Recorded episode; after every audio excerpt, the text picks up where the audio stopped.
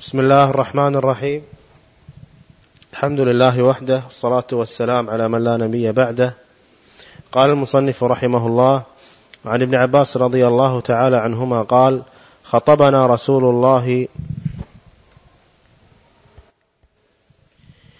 وعن ابن عباس رضي الله تعالى عنهما قال خطبنا رسول الله صلى الله عليه وسلم فقال إن الله كتب عليكم الحج.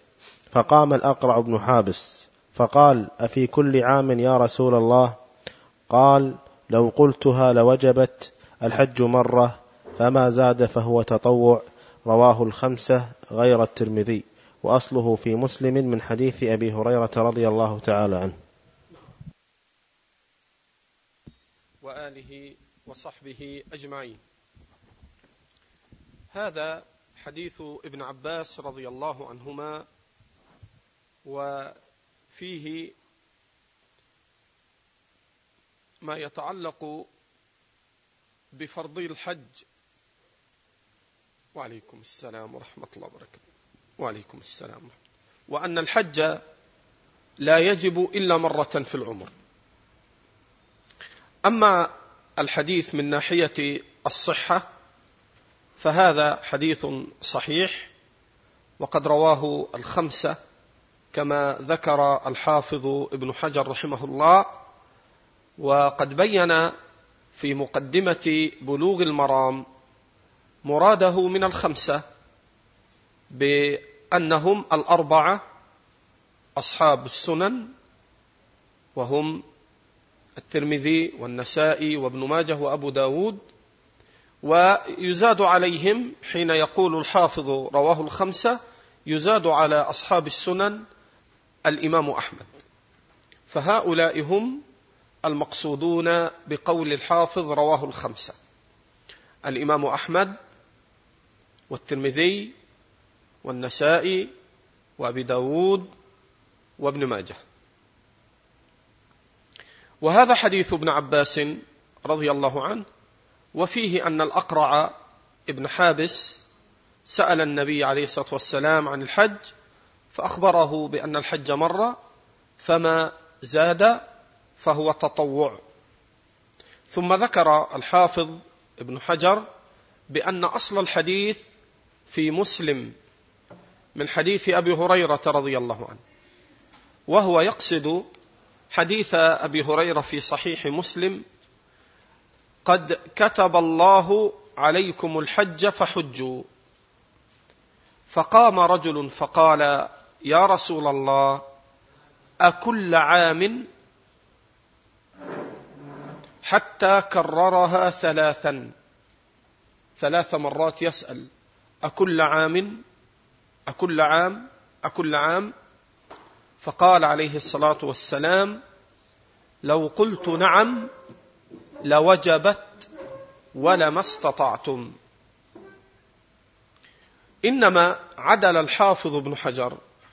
من رواية مسلم التي هي في الصحيح من حديث أبي هريرة إلى رواية ابن عباس التي رواها الخمسة لأن في رواية ابن عباس التصريح بأن ما زاد فهو تطوع. فصار في حديث ابن عباس في سؤال الأقرع زيادة صريحة بأن ما زاد على الحجة الأولى هو تطوع بخلاف الحديث الذي في مسلم فإن مفهومه أن ما زاد تطوع. فعدل الحافظ ابن حجر إلى رواية ابن عباس التي أخرجها الخمسة ثم لم يخلي المقام من فائدة فأشار إلى رواية مسلم من حديث أبي هريرة. ولا خلاف بين أهل العلم على أن الحج لا يجب إلا مرة واحدة. هذا لا خلاف فيه بين العلماء. لكن الخلاف بين العلماء هو في حصول وجوب الحج لسبب عارض. هذا الذي اختلف فيه العلماء. كمثلا كمثل من مات أبوه ولم يحج فهل يجب أن يحج عنه؟ سبق البحث في هذا وأن الصحيح أنه يجب ومن ذلك قوله صلى الله عليه وسلم حج عن أبيك واعتمر. لكن العلماء الذين يرون الوجوب في مثل هذه الحال يقولون بأن الوجوب لسبب عارض.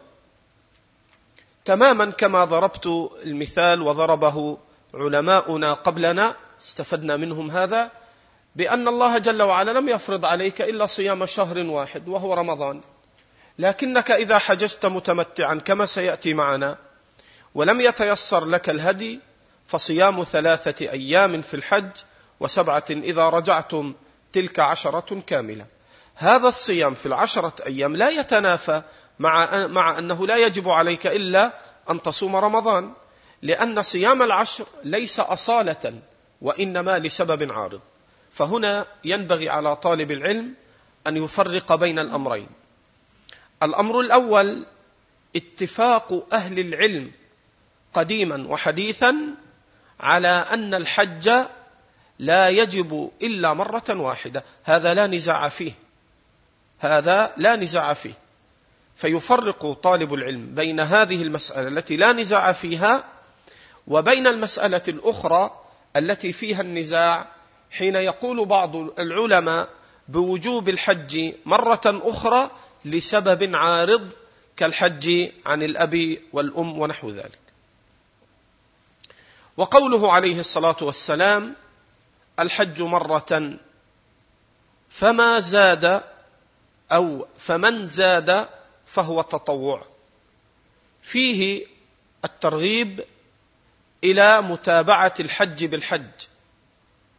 وقد صح عن النبي صلى الله عليه وآله وسلم أنه قال تابعوا بين الحج والعمرة. وصححه الألباني وابن حجر رحمة الله عليهما. وهو قوله عليه الصلاة والسلام تابعوا بين الحج والعمرة. فإنهما ينفيان الفقر والذنوب كما ينفي الكير خبث الحديد. فالمتابعة وفي وفي لفظ فإن متابعة بينهما تنفيان الفقر والذنوب كما ينفي الكير خبث الحديد.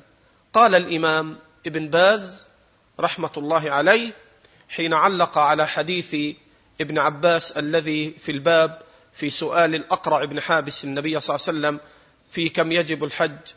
قال الشيخ ابن باز وهذا من لطف الله ومن رحمة الله بخلقه. فإن الحج لما كان يحتاج إلى نفقات وإلى مشقة بالغة فإن الشرع خفف فيه وأوجب الحج مرة واحدة في العمر. هذا معنى كلام الشيخ رحمة الله عليه. نعم. قال رحمه الله باب المواقيت. هذا باب جديد. وهذا الباب هو المعروف عند الفقهاء بباب المواقيت. والمراد منه أمران. المواقيت الزمانية والمواقيت المكانية. فالمراد السلام ورحمة الله. فالمراد بالمواقيت الزمانية هو الوقت الذي لا يجوز لك أن تحرم للحج إلا فيه. الوقت الذي لا يحل لك أن تحرم في الحج إلا فيه.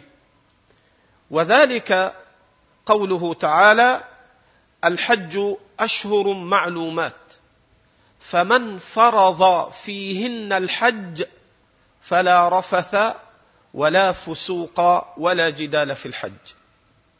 فالمواقيت الزمانية هو الوقت الذي توقع فيه الحج وتوقع فيه إحرامك وتنوي فيه الحج ملبيا. هذه المواقيت الزمانية لا يجوز لك أن تحرم للحج لا قبلها ولا بعدها. لذلك قال تعالى فمن فرض فيهن الحج فبين أن فرض الحج وهو الدخول فيه لا يكون إلا في أشهر الحج. لكن الحافظ ابن حجر لم يتعرض في البلوغ للمواقيت الزمانية وإنما تعرض للمواقيت المكانية. فنحن سنمشي على ترتيبه رحمه الله فنشرح المواقيت المكانية فإذا فرغنا منها زدنا عليه للإيضاح والفائدة. أحكام المواقيت الزمانية. أما المواقيت المكانية وهي التي ذكرها الحافظ ابن حجر هنا فهي ما يجب عليك أن تحرم من موضعه الذي افترضه عليك الشرع ولا يجوز لك أن تجاوزه بغير إحرام. هذا يسمى ميقات ميقات ميقات مكاني. ميقات المكان هي الأماكن التي يجب عليك إذا أردت الحج أو العمرة أن تحرم من خلال هذه الأماكن. لا يحل لك أن تجاوزها وأن تتعداها دون إحرام. ولذلك سميت مواقيت فهي موقتة بأن تحرم منها فلا يجوز لك أن تتعداها دون إحرام. وسيأتي البحث هل يجوز أن تحرم قبلها؟ هذا سيأتي فيه البحث إن شاء الله.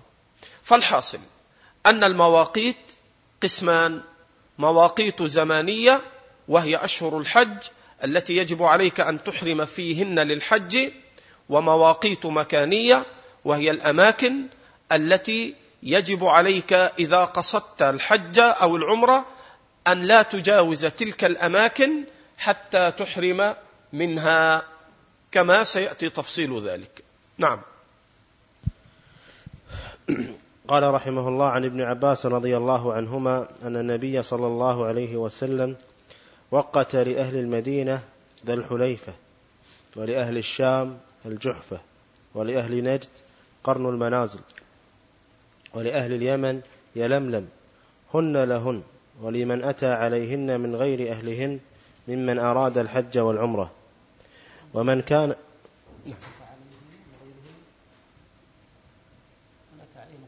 نعم صحيح. قد يكون عنده لفظ آخر. أعد لو تكرمت. عن ابن عباس. عن ابن عباس رضي الله عنهما أن النبي صلى الله عليه وسلم وقت لأهل المدينة ذا الحليفة ولأهل الشام الجحفة ولأهل نجد قرن المنازل ولأهل اليمن يلملم هن لهن ولمن أتى عليهن من غير أهلهن ممن أراد الحج والعمرة. يقول اختلاف نعم. ومن كان دون ذلك فمن حيث أنشأ حتى أهل مكة من مكة. متفق عليه. نعم. هذا الحديث هو أصل في المواقيت المكانية. وهذا الحديث هو منطلق بيان أهل العلم في قاعدة المواقيت المكانية.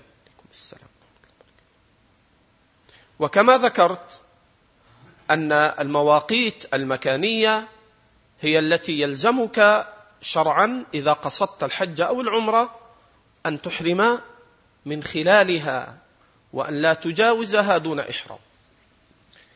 وهذه المواقيت تختلف بحسب أهل الآفاق وبحسب القادمين إلى الحج. فإن الناس يقصدون الحج من مواضع كثيرة من الدنيا. لذلك راعى الشرع اعتبار هذا فجعل لأهل كل جهة من المواقيت المكانية ما يناسب طريق ممرهم إلى مكة. فوقت كما سمعنا وقت لأهل المدينة ذا الحليفة. وأهل المدينة هؤلاء حين يقصدون الكعبة للحج فإنهم يمرون بموضع يسمى بذي الحليفة وهو الذي يسمى الآن أيضا بذي الحليفة وبآبار علي. هذا الموضع هو ميقات أهل المدينة. أصالة أي هو أصل ميقات لأهل المدينة. ولمن مر من جهتهم عليه يعني قد يكون الرجل ليس من أهل المدينة ولكنه قدم من بلده مارا بالمدينة فيصير حكم المار كحكم أهل المدينة. ولذلك في آخر الحديث قال هن لهن. هن أي هذه المواقيت المكانية التي هي ذا الحليفة التي هي ذو الحليفة والجحفة وقرن المنازل إلى آخره. هن أي هذه المواقيت المكانية هن لهن أي لأهل تلك البلاد. قرن المنازل لأهل المدينة والجحفه لأهل الشام إلى آخره. ولمن أتى عليهن أي ولمن أتى على هذه المواقيت من غير أهلهن. اذا فميقات أهل المدينة ذو الحليفة. كذلك من لم يكن من أهل المدينة ولكنه مر على ميقات أهل المدينة فيصير ميقات أهل المدينة ميقاتا له. ولذلك قال هن لهن ولمن أتى يرحمك الله ولمن أتى عليهن من غير أهلهن. اذا فالميقات أصالة لأهل ناحيته ثم تبعا لمن مر على تلك الناحية وإن لم يكن هو من أهل تلك الناحية أصلا. قال وقت رسول الله صلى الله عليه وسلم لأهل المدينة ذا الحليفة. ولأهل الشام الجحفة. والمراد هنا بالشام بلاد الشام التي تشمل الأردن وسوريا ولبنان وفلسطين. هذه كانت قديما تسمى بلاد الشام. فالقادمون للحج من هذه البلاد من الأردن من سوريا من لبنان من فلسطين هؤلاء أهل الشام قال وقت لهم عليه الصلاة والسلام ولأهل الشام الجحفة. والجحفة هو موضع صار خرابا وهو الآن معروف يحرمون قريبا منه بدلا عن الجحفة. قال ولأهل الشام الجحفة. كذلك من سلك طريق الشاميين من غير أهل الشام كالمصريين مثلا إذا سلكوا طريق أهل الشام فيأتي الحديث هن لهن ولمن أتى عليهن من غير أهلهن كما تقدم في بيان ذلك في أول الكلام. قال ولأهل الشام الجحفة. ول أهل اليمن قرن المنازل. ولأهل ولأهل نجد عفوا ولأهل نجد قرن المنازل. وقرن المنازل موضع معروف يحرم منه أهل نجد. وأصل النجد في اللغة كل ما علا عن سمت غيره من الأرض. فكل ما علا عن سمت غيره من الأرض فيقال بأنه نجد. وسميت نجد نجدا وهي الرياض. وما حول الرياض سميت نجدا لأنها أعلى في موضعها من غيرها فسميت بهذا بنجد. قال ولأهل نجد ماذا؟ ولأهل نجد قرن المنازل.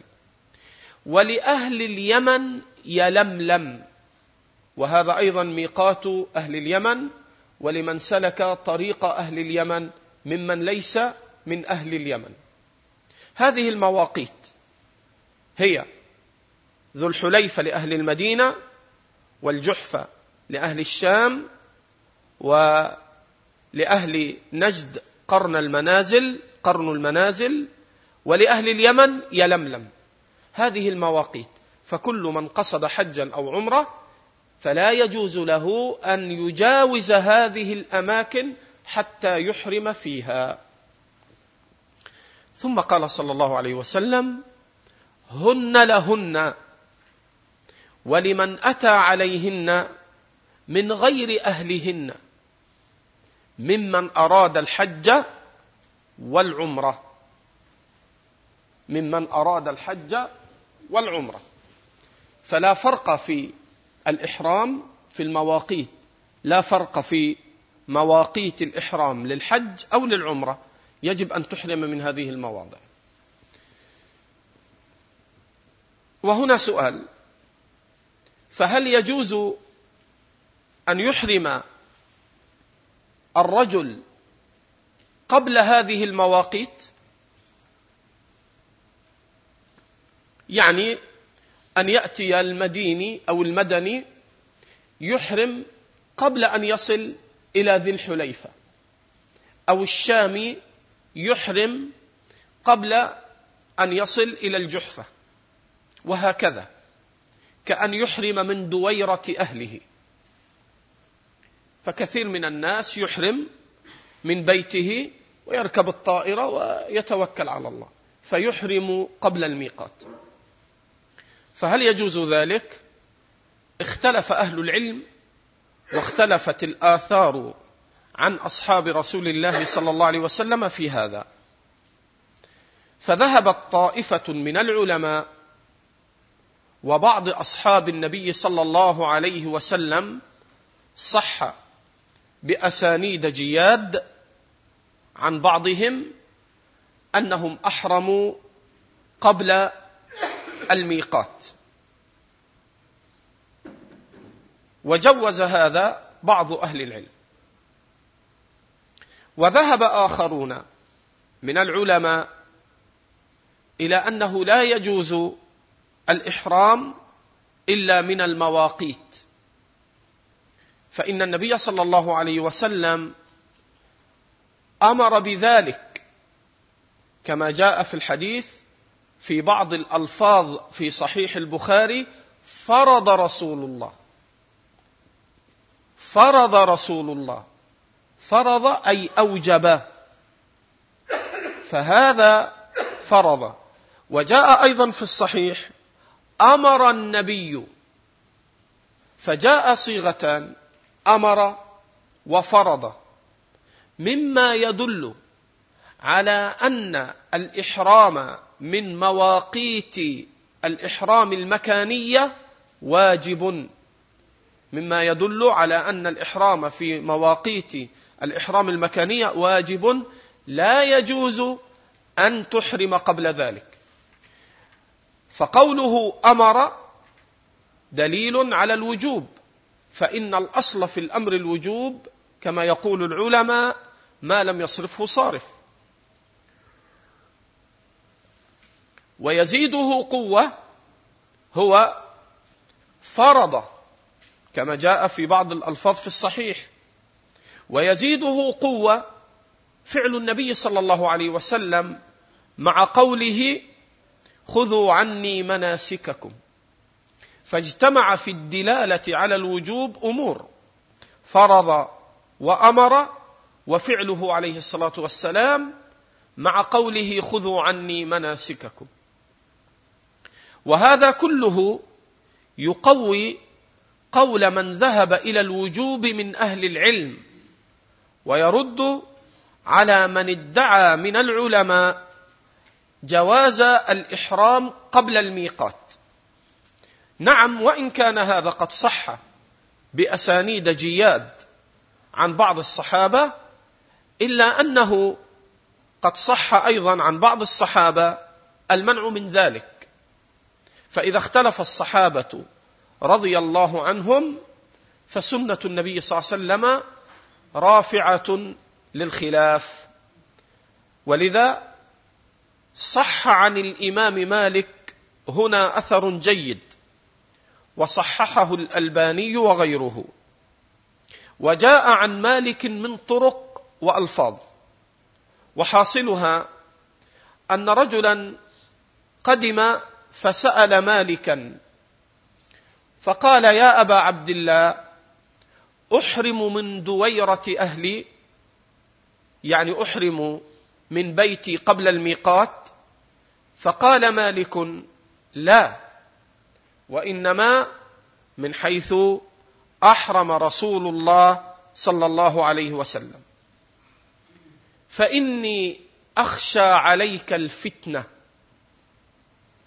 فقال الرجل يا أبا عبد الله وأي فتنة؟ إنما هي أميال أتقدمها. إنما هي خطوات.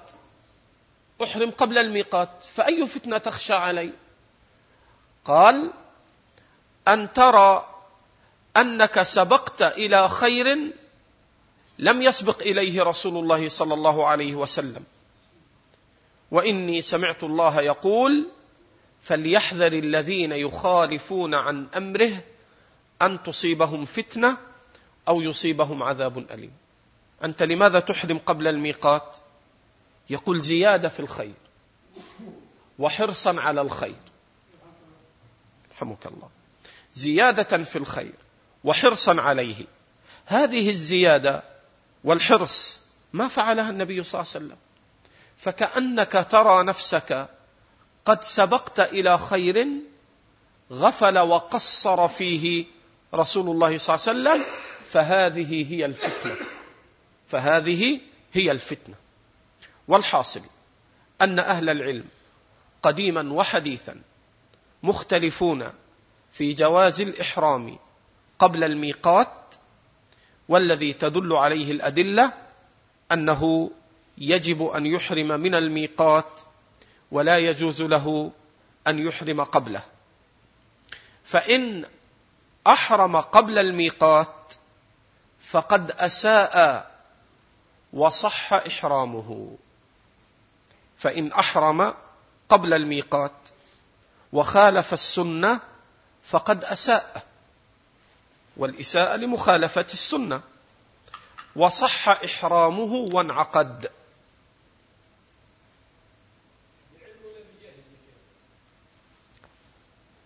سواء كان بعلم أو كان بجهل. إن كان بجهل أساء وإن كان بعلم أساء. لكن إذا كان بعلم وله اجتهاد استدل ببعض أفعال الصحابة فهذا ينطبق عليه الحديث عند البخاري إذا اجتهد الحاكم فأصاب فله أجران وإذا اجتهد فأخطأ فله أجر واحد. هذه مسألة. ضدها من جاوز الميقات دون إحرام. الآن عندنا مسألتان. الأولى الذي يحرم قبل الميقات وهذا تقدم فيه البحث. المسألة الثانية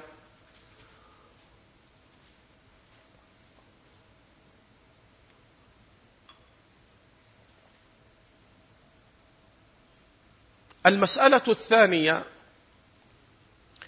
أن يجاوز الميقات ولا يحرم منه. بل يتعداه. إما جهلا وإما قصدا. وهذا لا شك أنه مخطئ وأنه مخالف. عليكم السلام ورحمة الله وبركاته.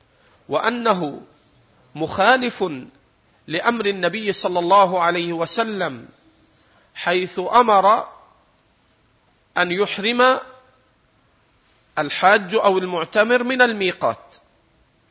فإن جاوز الميقات دون أن يحرم فقد أساء. وهذا باتفاق العلماء لا نزاع فيه أنه إن جاوز الميقات فقد أساء وخالف ما أمر به. ولكن العلماء اختلفوا ماذا يجب عليه إن جاوز الميقات دون إحرام مع اتفاق الجميع على أنه قد أساء وخالف الأمر الشرعي. فقال بعض أهل العلم إن جاوز الميقات أساء وأمر أن يرجع إلى الميقات. يؤمر بالرجعة إلى الميقات الذي جاوزه. هذا قول طائفة من الفقهاء. وقال آخرون إن جاوز الميقات أساء فإن أمكنه أن يرجع رجع وإن شق عليه فحينئذ يحرم من موضعه الذي هو فيه. وعليه دم. يهدي دما لأنه أتى بمحظور وأتى بمخالفة من محظورات الإحرام. وقال جماعة من الفقهاء إذا جاوز الميقات أساء وعليه أن يستغفر الله وأن يحرم من الحل. يحرم من الحل يعني إيه؟ يعني كما تعلمون أن مكة حرم. لذلك لما أرادت أمنا عائشة رضي الله عنها أن تعتمر بعد أن فرغت من حجها كما في الصحيحين أمر النبي صلى الله عليه وسلم أخاها عبد الرحمن أن أن يعمرها من التنعيم. لماذا؟ لأن التنعيم خارج الحرم وهو الذي يسمى الآن بمسجد عائشة بمسجد التنعيم مسجد أمنا عائشة. فهذا الموضع هو خارج الحرم. فلما أرادت هي أن تأتي بعمرة بعد أن فرغت من حجها لم يجز لها أن تحرم من مكة. وإنما أمرها أن تخرج إلى الحل وهو الموضع الذي ذهبت إليه الذي يسمى الآن بمسجد عائشة. فأحرمت هناك ثم رجعت وأدت العمرة. لذلك قال جماعة من الفقهاء قالوا إذا جاوز الميقات أساء وعليه أن يحرم من الحل بأن يحرم خارج الحرم. والذي تدل عليه الأدلة في المسألة أنه إن جاوز الميقات فلا شك أنه أساء وخالف ما أمر به وحينئذ يجب عليه أن يرجع إلى الميقات الذي أمر به لأنه أمره عليه الصلاة والسلام أن يحرم من الميقات وهو قد جاوز الميقات فحينئذ يرجع الأمر إلى أصله فيجب عليه شرعا أن يحرم وأن يرجع من الميقات الذي جاوزه. فإذا شق ذلك عليه فيأتي الحديث ما أمرتكم به فأتوا منه ما استطعتم. فإذا شق عليه كرجل كبير في السن أو امرأة عجوز وما أشبه ذلك من الأعذار فحينئذ يحرم من أدنى الحل يحرم من أقرب موضع من مواضع الحل خارج الحرم كما فعلت أمنا عائشة حين خرجت وأتت بعمرة من الحل من التنعيم. وأما قول بعض الفقهاء رحمهم الله بأن عليه دم فهذا ليس فيه دليل صحيح صريح. وإن كان أكثر علمائنا في الحرمين يفتون بأنه إن جاوز الميقات عالما بأن عليه دم. وبعضهم يفتي بأن عليه دم. جاهلا كان أو عالما. وكان الإمام الألباني رحمه الله وطائفة من أهل العلم يقولون أساء وليس عليه دم وعليه أن يستغفر. يرحمك الله. وهذا أصح من حيث الدليل. والأول قول أكثر أهل العلم. والقول الأخير هو الذي نحى إليه الإمام الألباني وطائفة من العلماء أن من جاوز الميقات ليس عليه دم عليه أن يستغفر الله ولا يثبت في الدم فيه شيء. وإنما كما جاء في الحديث في صحيح البخاري في الرجل الذي أحرم وعليه جبته وقد تمخض بالطيب يعني أتى بمحظور من محظورات الإحرام. فقال صلى الله عليه وسلم انزع عنك جبتك واغسل عنك أثر الطيب وما كنت صانعا في عمرتك فاصنعه في حجتك أو كما قال صلى الله عليه وسلم وليس فيه أنه أمره بدم مع أنه ارتكب محظورا. لذلك كان الإمام الألباني له عبارة يكررها دائما يقول أنا ظنين في الدماء. يعني أنني لا أفتي بكل من فعل شيء لكل من فعل شيئا من محظورات الإحرام عليه دم وهكذا. وهذا هو أظهر القولين والله أعلم. وإن كان القول الأول عليه أكثر أهل العلم. لا فرق. لا فرق سواء كان جاهلا أو كان عامدا. لكنه مع العمد يأثم. مع العمد يأثم. يعني إذا جاوز الميقات عامدا فهو آثم. وأما إذا جاوز الميقات جاهلا فهذا بحسبه يعذر من ناحية الإثم وكلاهما العامد والجاهل كلاهما لا يجب عليه دم على الصحيح. إذا هنا تكلمنا عن مسألة إذا أحرم قبل الميقات وإذا جاوز الإحرام وإذا جاوز الميقات دون أن يحرم.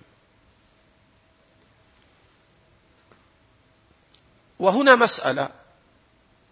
من كان طريقه إلى بيت الله. ليس على طريقه ميقات. يعني نحن قلنا أهل المدينة إذا قدموا يمرون على ذي الحليفة وأهل الشام يمرون على الجحفة وأهل اليمن يمرون على يلملم وأهل نجد يمرون على قرن المنازل. لكن إذا صادف قدوم جماعة ليس في طريقهم إلى بيت الله لا يمرون على ميقات. فهؤلاء من أين يحرمون؟ قال أهل العلم من كان لا يجد على طريقه ميقاتا فإنه يحرم من محاذاة أقرب ميقات له.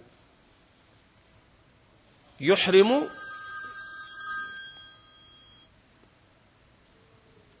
يحرم من محاذاة أو أقرب ميقات له. وهذا كما عند البخاري في صحيحه. لما سئل عمر عن أهل العراق ولم يكن قد علم عمر رضي الله عنه أن النبي صلى الله عليه وسلم وقت لأهل العراق ذات عرق كما سيأتي معنا هذا المبحث. فلم يكن عمر يعلم أن النبي صلى الله عليه وسلم وقت لأهل العراق ذات عرق. فلما سئل كيف يحرمون فقال عمر كما هو عند البخاري انظروا إلى أقرب ميقات فيحرمون عن على سمته أو كما قال رضي الله عنه. فنظروا فوقت لهم عمر ذات عرق فوافق اجتهاده سنة النبي صلى الله عليه وسلم. والشاهد من هذا هو أن الفقهاء أخذوا من هذا أن من كان في طريقه لا ميقات على طريقه للحج أو العمرة أنه يحرم من محاذاة أقرب ميقات يمر عليه. فإذا جاء على سمته وحاذاه أحرم منه. وهذا أيضا نص عليه الفقهاء في زماننا في مسألة المحرمين في الطائرة أو الإحرام في الباخرة في البحر. ففي الطائرة يحرمون من سمت الميقات لأنهم في الهواء فينظرون إلى دخولهم على الميقات مما يلي السماء علوا فيحرمون. كذلك أهل البحر الذين يقدمون للحج والعمرة عن طريق البحر. فإنهم أيضا يحرمون إذا حاذوا أقرب ميقات لهم. هذا ما يتعلق بمن قدم للحج أو العمرة وليس على طريقه ميقات فإنه يحرم من حذو ومن محاذاة أقرب ميقات له. قال وقت رسول الله صلى الله عليه وسلم لأهل المدينة ذا الحليفة ولأهل الشام الجحفة ولأهل نجد وقت لأهل المدينة ذا الحليفة ولأهل الشام الجحفة ولأهل نجد قرن المنازل ولأهل يمن يلملم وقال هن لهن ولمن أتى عليهن من غير أهلهن ممن أراد الحج أو العمرة. ومن كان مهله دون ذلك فمهله من حيث أنشأ. حتى أهل مكة حتى أهل مكة ضبطت على الوجهين حتى أهل مكة من مكة. ما معنى هذا؟ قوله ومن كان مهله دون ذلك. لا يخلو حال القاصد للحج والعمرة أن يكون ممره قبل الميقات كالقادمين من الشام من اليمن هؤلاء قادمون قبل الميقات. فهؤلاء تقدمت أحكامهم. القسم الثاني من كان قبل الميقات مما هو أقرب لمكة. فالذي يكون قبل الميقات كمثلا المديني الذي يكون هو في موضعه أقرب لمكة وهو جاوز سكناه وإقامته الميقات. يعني مسكنه دون المواقيت مما يلي مكة. هؤلاء كيف يحرمون؟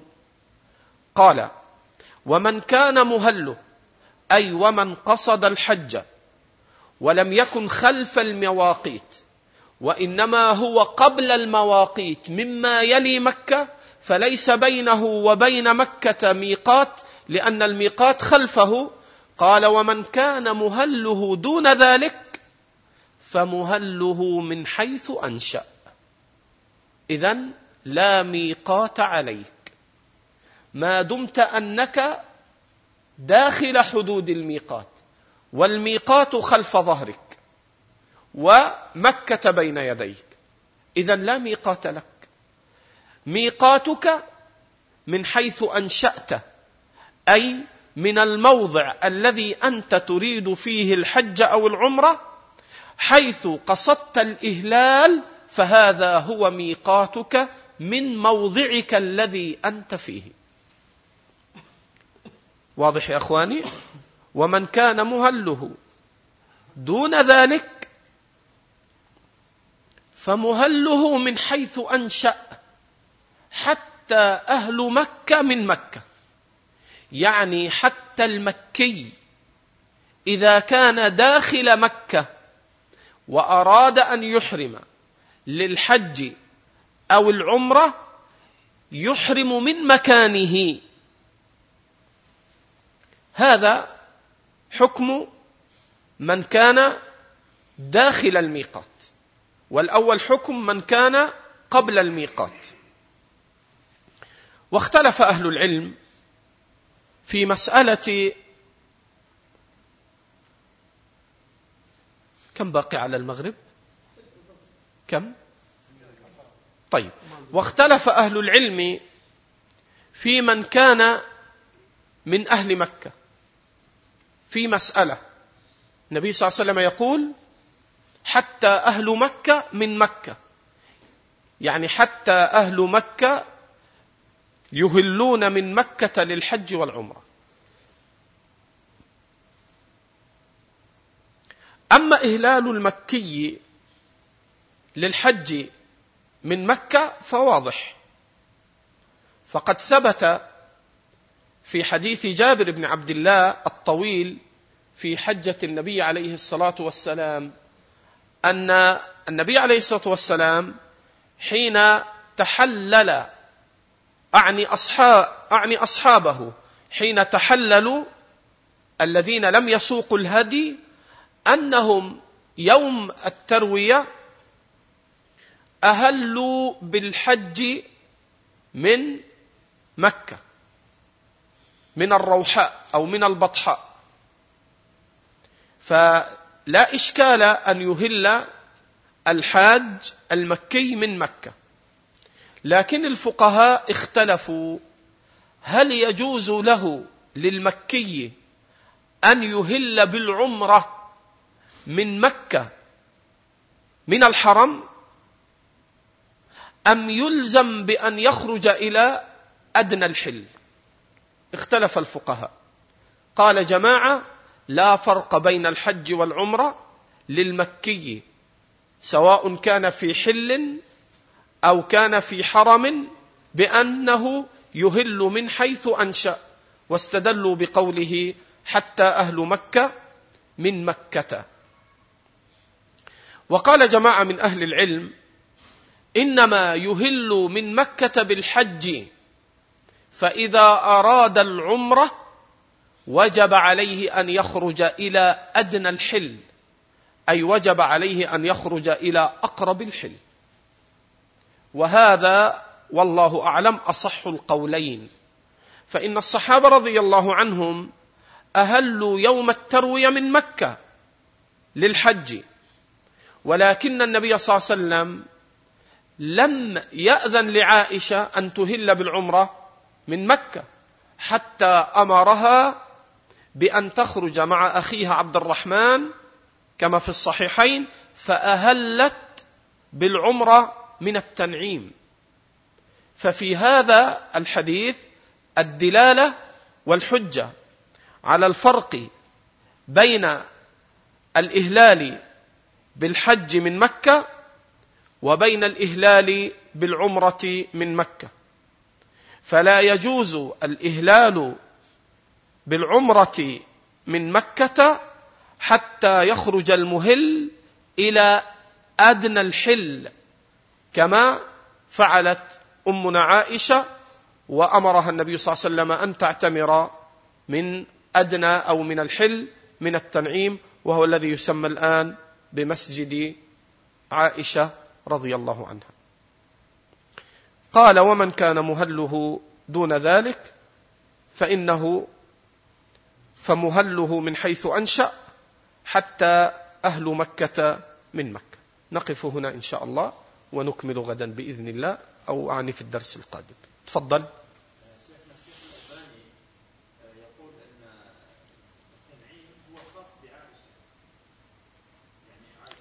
هذه المسألة ستأتي معنا مفصلة وهي مسألة تكرار العمرة. الشيخ الألباني يقول أن التنعيم هو لمن فسدت عمرته فهو خاص بعائشة ومن كان مثل عائشة. وهذه مسألة أخرى سيأتي بحثها إن شاء الله. المقصود أنه يخرج إلى أقرب الحل. بعد ذلك تأتي مسألة تكرار العمرة. هل يشرع أن يأتي بعمرة وثنتين وثلاثة وأربعة ويخرج إلى التنعيم؟ هذه هي التي أنكرها الإمام الألباني. واضح؟ وهذه سيأتي فيها البحث إن شاء الله. نعم. تفضل. من أراد عمرة ولكن أراد أن يسكن الطائف مؤقتا فسكن بعد الميقات في الطائف لكن تعدى الميقات بأميال وسكن ثم استقر أياما فأراد أن يحرم فرجع إلى الميقات وأحرم منه. فعله صحيح؟ لا يلزمه أن يرجع. إذا جاء واستقر فيها وهو الآن لم يعقد نية الإحرام وإنما أتى مسافرا وأتى كما يقال لأمر ولمصلحة وأراد أن يبقى أياما فجاوز الميقات. ولذلك سيأتي معنا قوله هن لهن ولمن أتى عليهن من غير أهلهن ممن أراد الحج والعمرة. ففرق بين أن يأتي محرما وبين أن يأتي غير محرم ثم يحرم. وهذا سيأتي فيه البحث. سيأتي فيه البحث إن شاء الله. سؤال آخر بسيط. هات بعض الناس يلبس إحرامه من سكنه في الطائف ثم يذهب إلى الميقات ويلبي هناك. لبس هنا هل فيه أن النبي عليه الصلاة والسلام قد لبس الإحرام من بيته. ولكنه لم يحرم إلا من ذي الحليفة حين استوت به راحلته كما في حديث جابر في حجة النبي صلى الله عليه وسلم فلما استوت به راحلته أهل بالتوحيد. إذا فأصل اللبس لبس الإحرام النبي صلى الله عليه وسلم لبسه من بيته ولكنه لم يدخل في الإحرام إلا بعد أن وصل إلى ذي الحليفة واستوت به راحلته. نية النسك. أي نعم. لكن هو في بيته لا ينوي ولا يحرم يلبس وإنما يحرم من الميقات. نعم تفضل. نعم.